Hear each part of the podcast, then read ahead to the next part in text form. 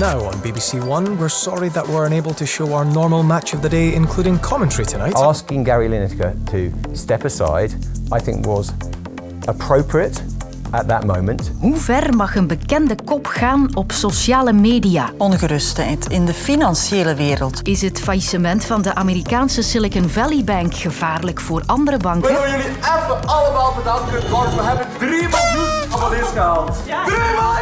Een Vlaams YouTube-kanaal met 3 miljoen volgers, dan val ik achterover. En hoe machtig zijn YouTubers? Die drie onderwerpen hebben we eruit gekozen, want in een kwartier kun je niet alles overal tegelijk doen. Welkom, ik ben Sophie van der Donkt.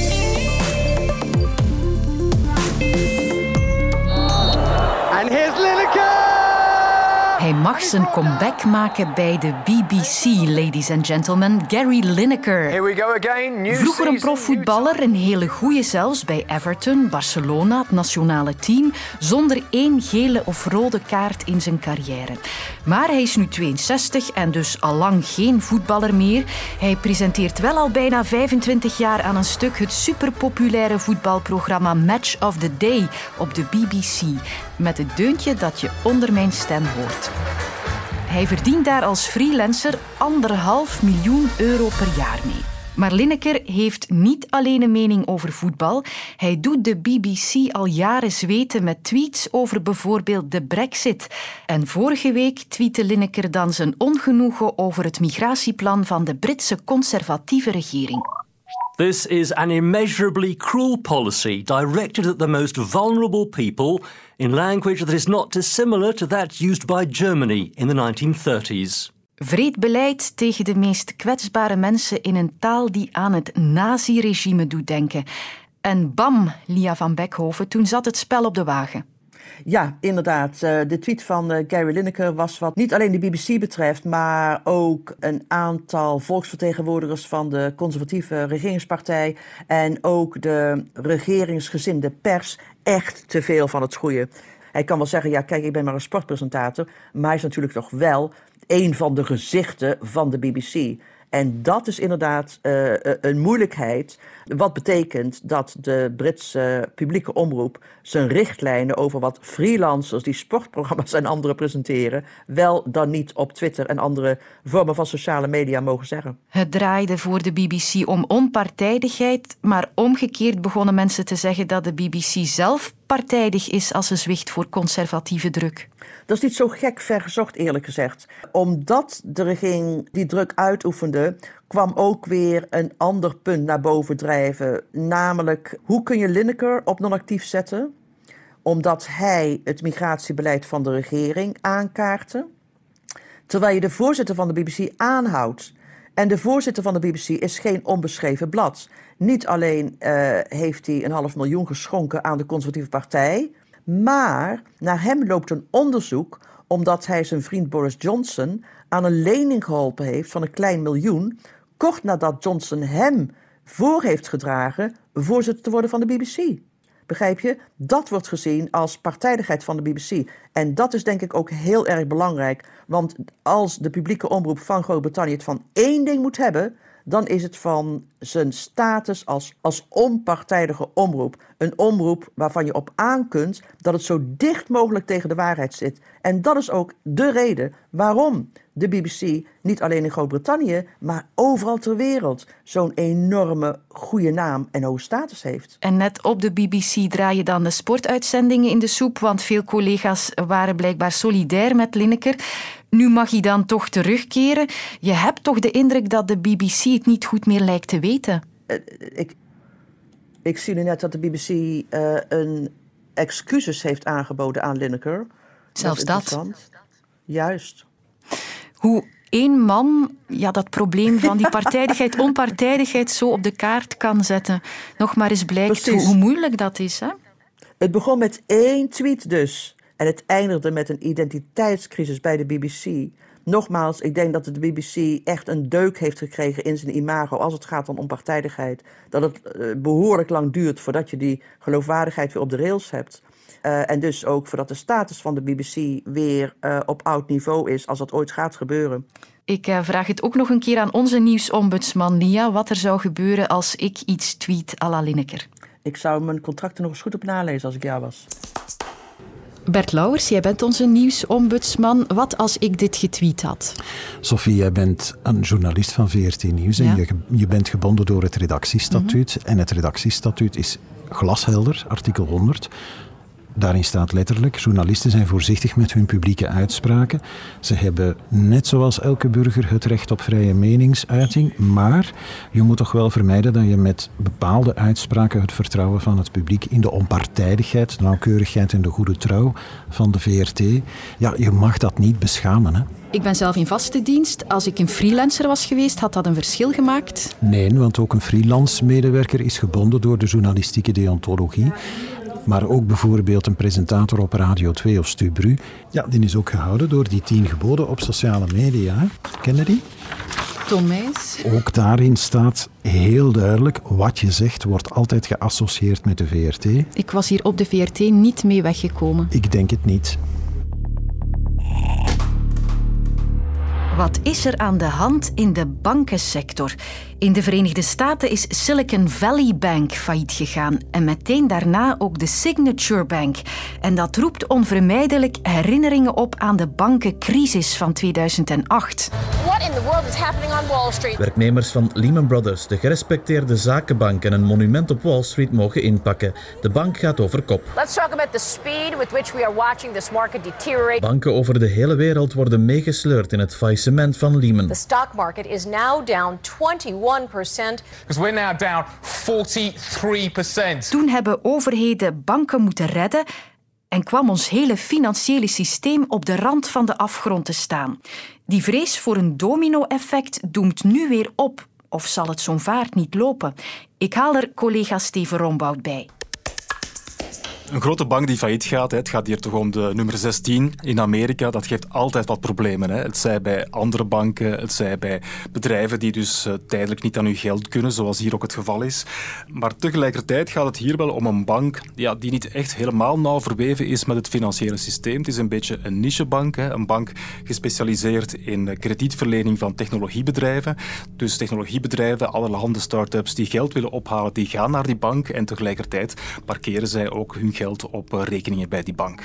SocGen New York dollar Paris in 22. Zurich 23 Citibank. Hoe komt het dat de Silicon Valley Bank failliet is gegaan? Dat heeft vooral te maken met het feit dat we uit een periode komen, een lange periode van heel lage rente, waardoor er geen veilige rentedragende beleggingen waren, waardoor heel veel geld naar, naar aandelen vloeide bijvoorbeeld, maar ook dat er heel veel risicoappetijt was uh, bij allerhande beleggers. Denk bijvoorbeeld aan de vele deelsteps die we overal zien opduiken in de Europese steden. Dat zijn dus bedrijven die op zoek zijn naar opportuniteiten en daar dan in die deelsteps gaan, gaan investeren.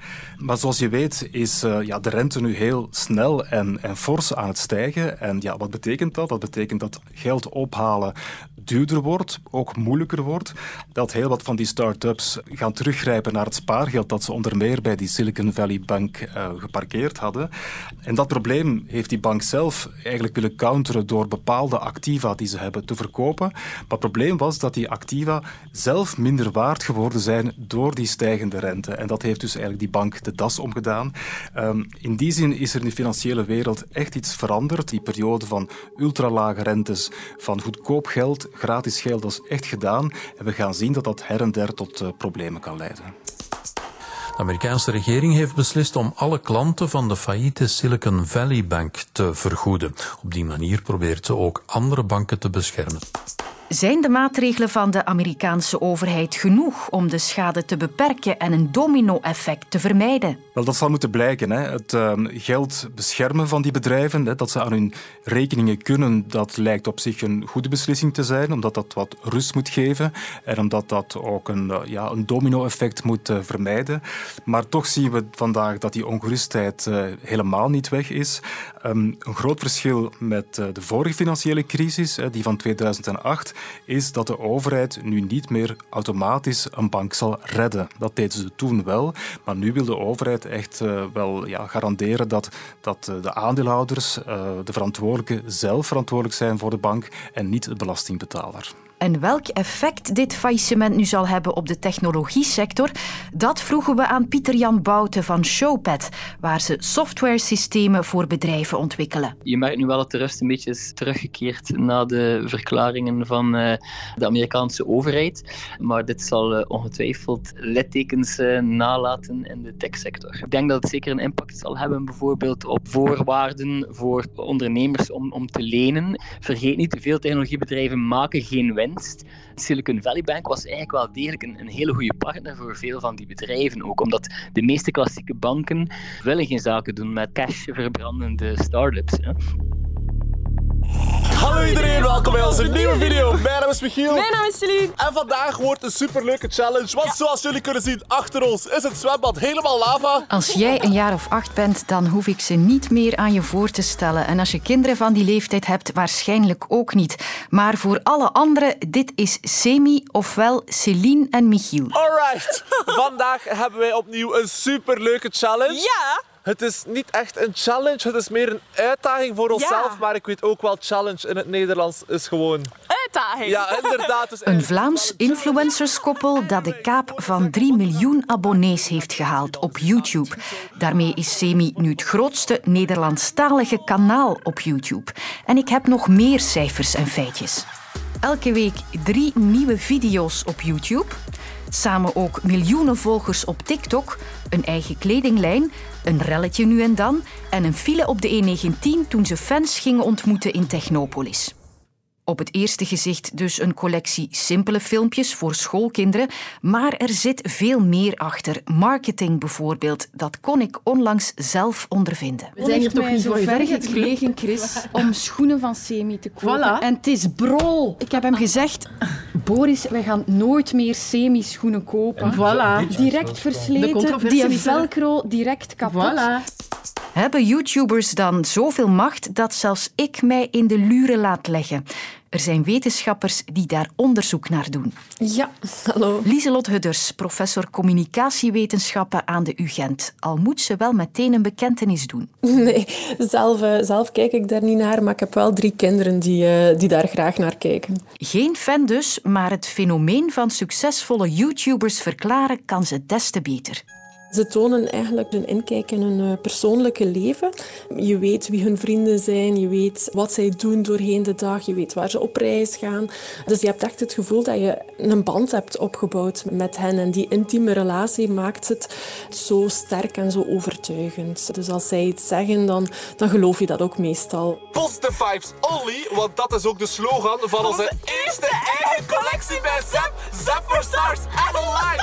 Ik denk dat ze wel een grote impact hebben op hun volgers. Vaak doen zij aanbevelingen over producten en diensten, maar zij gaan ook soms een politiek standpunt innemen, een standpunt over maatschappelijk issue innemen, waar zij toch hun volgers kunnen beïnvloeden. Het is wel zo dat er heel veel geld te verdienen valt met influenceractiviteiten, net omdat het ook om een diverse inkomstenstroom gaat. Je hebt de, de deals die ze hebben met merken, ehm, dus ze gaan dan eigenlijk een video of een post maken waar ze een merk promoten, maar ze verkrijgen ook inkomsten vanuit de platformen. YouTube betaalt influencers voor de advertenties die ze net voor of tijdens hun video plaatsen. Daar is weinig transparantie over natuurlijk, maar de, de echt grote influencers kunnen toch voor één post een aantal duizend euro's eh, vragen. Dus eh, ja, dan kan je al eh, denken als je zo verschillende doet, dat dat, dat snel oploopt. Dat vind ik gewoon echt niet kunnen. En vergelijkt mensen die naar ons kijken met het woord kanker. Ja, ik krijg ook tranen in mijn ogen als ik u...